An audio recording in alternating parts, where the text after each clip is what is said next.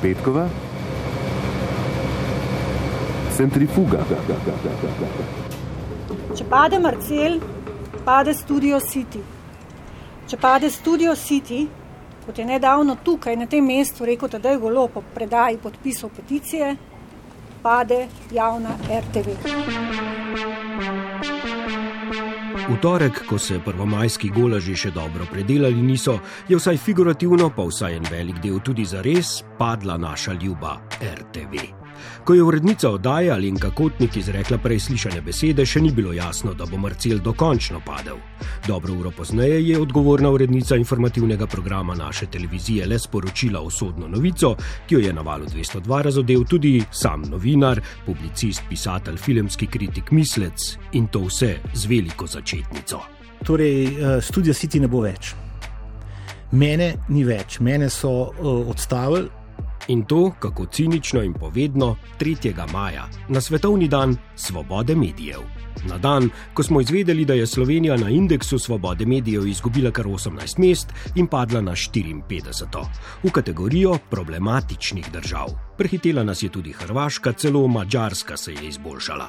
Marcel, ki je najbolj gledana oddajo informativnega programa, vrhunsko in profesionalno vodil dobri dve desetletji, zdaj pa jo bo nova ekipa, ki je še ni, osvežila in prenovila, naj bi užalil vodstvo in zaposlene sicer iz konteksta iztrganimi izjavami na javni tribuni neprimernimi izjavami. Zares neprimerno je, da so ukinili politično stanje gobec.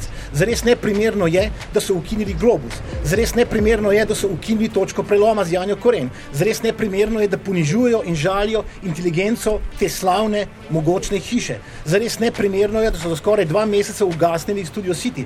Zares neprimerno je, da so ignorirali več kot 40 tisoč podpisov za takojšno vrnitev Studio City. Zares neprimerno je, da se odgovorna urednica ne odziva na maile urednice urednice Studia City. Zares neprimerno je, da kot odgovorna urednica nastopa in odstavlja mene, oseba, ki jo je ob imenovanju podprlo le 21 odstotkov zaposlenih.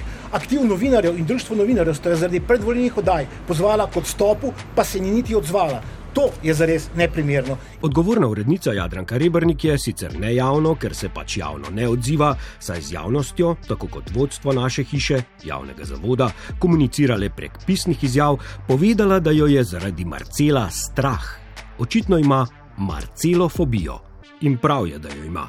To je namreč strah pred profesionalnim, objektivnim novinarstvom, ki nastavlja ogledalo vsem vsakokratni oblasti in tudi vsem ostalim, ki imajo moč, ne glede na njihovo barvo, z močjo argumentov in ne z argumentom moči. In prav na argument moči, s katerim se je UKOM pred točno letom dni spravil na slovensko tiskovno agencijo, nas je v torek spomnil odgovorni urednik STA Aljoša Rehar.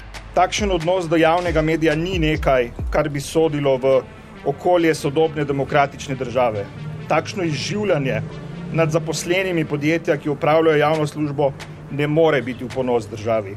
Slovenija se je žal s tem neslavno uvrstila med države, za katere tuje institucije ugotavljajo drastičen upad na področju medijske svobode.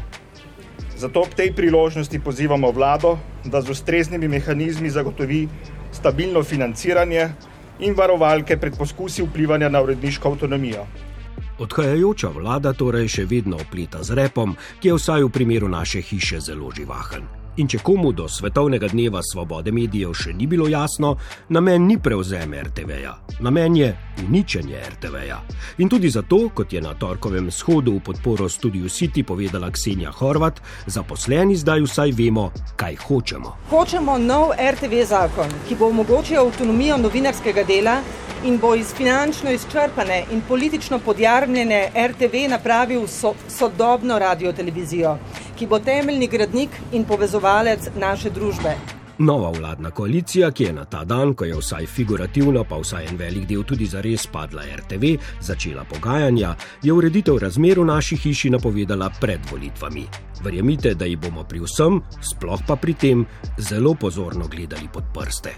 Uh, verjamem, da bomo tekom koalicijskih pogajanj tudi ta zakon temeljito pregledali in jaz upam, da ga bomo podprli v celoti. Moče bo še manjši popravek, ampak je o tem danes prezgodaj govoriti. Uh, sami ga podpiramo in upam, da ga bomo čim prej. Kar pomeni, verjetno takrat, ko bomo imeli glasovanje o zakonu o vladi, bi mogoče že lahko bila pravi čas za to, če se bomo uskladili v koaliciji LDTA. Se bodo že morali, kot je med vrsticami omenil tudi kolega Gašpar Andrinek, tokrat v vlogi podpredsednika Društva novinarjev. To so tudi poteze, ki jih je politika napovedala. V Društvu novinarjev jih bomo držali za besedo ter pozorno bdeli nad naslednjimi potezami. Novinari in novinarke pa se moramo vse čas zavedati, da je naš edini zaveznik javnost do katere pa se moramo vesti odgovorno, spoštljivo in nikoli podcenjujoče. In tudi ta javnost, ki je na volitvah jasno izrazila, kaj želi, bo zelo pozorna in neizprosna vsak dan naslednjega štiriletnega obdobja.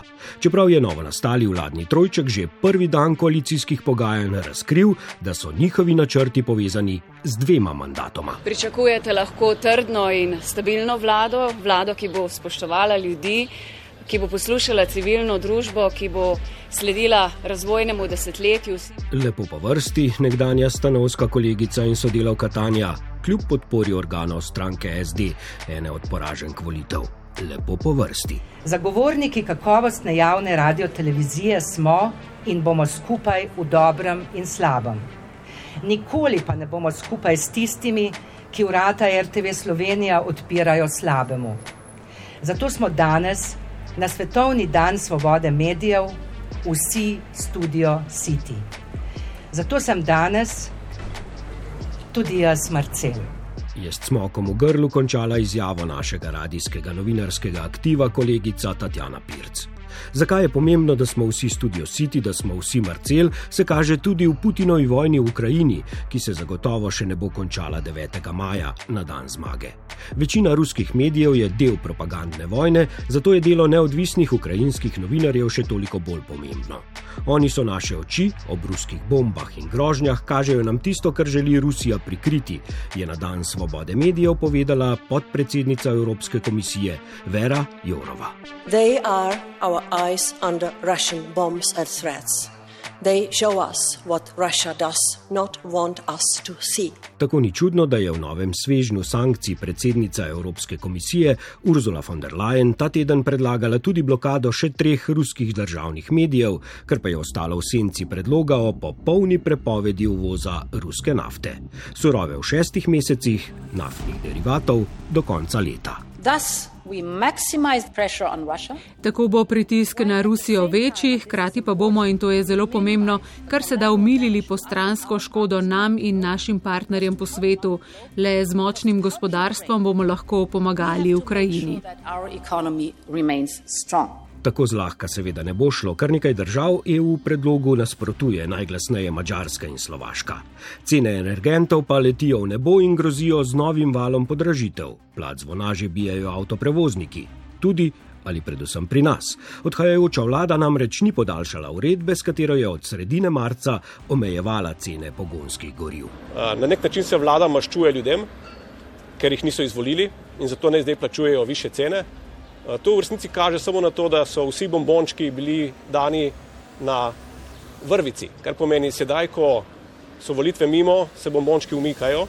Uh, pač se ne da nismo pričakovali. Ampak tisto, kar je še bolj pomembno pri uh, teh podražitvah, je, da takrat, ko trg ne deluje, in očitno je, da v Sloveniji trg naftnih derivatov ne deluje, takrat nastopi čas za regulacijo, pametno regulacijo. Povsem drugače kot dr. Robert Golob, ki je sicer med gorečimi podporniki odhajajoče vlade že krivec za rekordno podražitev benzina, čeprav s tem res nima nič, razmišlja najbolj povezovalni minister odhajajoče vlade Zdravko Počivalšek. Mi smo uh, pač uh, limitirali cene goriv zaradi nestabilnosti na uh, trgu. Uh, v tem obdobju so se uh, zadeve kljub vsemu stabilizirale, to je potrebno eh, povedati in v smislu količin in v smislu eh, cen. Bomo pa preverili eh, vse to, kaj se dogaja eh, na trgu in po potrebi eh, tudi eh, ukrepali. Huda analiza bo to morala biti. Že postanek na benzinskem servisu bo dovolj. Ampak ne dvomim, da bo odhajajoča vlada rada pomagala, ima le same take uslug željne ministre. Glede na vse okoliščine, gospodu Golobo delam uslugo, ker se mu ne bo potrebno s temi stvarmi ukvarjati in niti ne prerekati z njihovimi koalicijskimi partnerji, ampak se bodo vedno lahko name zgovarjati. tako odhajajoči obrambni minister o dokončnem podpisu pogodbe za nakup bojnih vozil Boxer. In če smo že pri uslugah Janševe vlade, samo še do konca junija lahko unovčite tako imenovane turistične bone, pa tiste druge, gostinsko-kulturno-športne tudi. A kljub bonom, glede na ta teden objavljeno raziskavo, kar četrtina slovencev v zadnjem letu ni imela počitnic. In tudi nova sprostitev kreditiranja za tiste z nizkimi dohodki in pokojninami ne bo kaj dosti pomagala. Državna volilna komisija je preštela vse glasovnice in ugotovila, da je bila volilna udeležba skoraj 71 odstotna. Ulov na točke in odstotke pa so se ta teden podali maturanti. Z esejem iz slovenskega jezika se je v sredo za gimnazice začela letošnja matura, zaključno prireditvijo pa se je ta teden sklenilo praznovanje 60-letnice bralne značke. Boštjan Gorenc pižama. Otroci berajo, veliko berajo, ne samo berajo vse stvari. Niso samo knjige, so zaslončki sporočili, so zaslončki z branjem teh in onih stvari, ampak meni se zdi, da mladi še vedno prepoznajo dobro zgodbo. Da če jim pokažeš, kaj vse se skriva v knjigah, da bodo posegli potem. Več branja, bolj uspešno pisanje maturitetnih esejev. In mogoče bodo tam mladi tudi zato enkrat brez marcelofobije postali novi marceli. In bodo porok za obstoj demokracije in našega ljubega RTV in bodo kombinatke pele v enem od studijev naše hiše na koncertu, ne pa pred stavbo na protestu. Čau, čau, čau, Torej, uh, studio City ne bo več mene ni več, mene so uh, odstavili. Brez dodatnih besed, samo še od zdrav, Vladimir Jovanovič in Aleš Smrekar.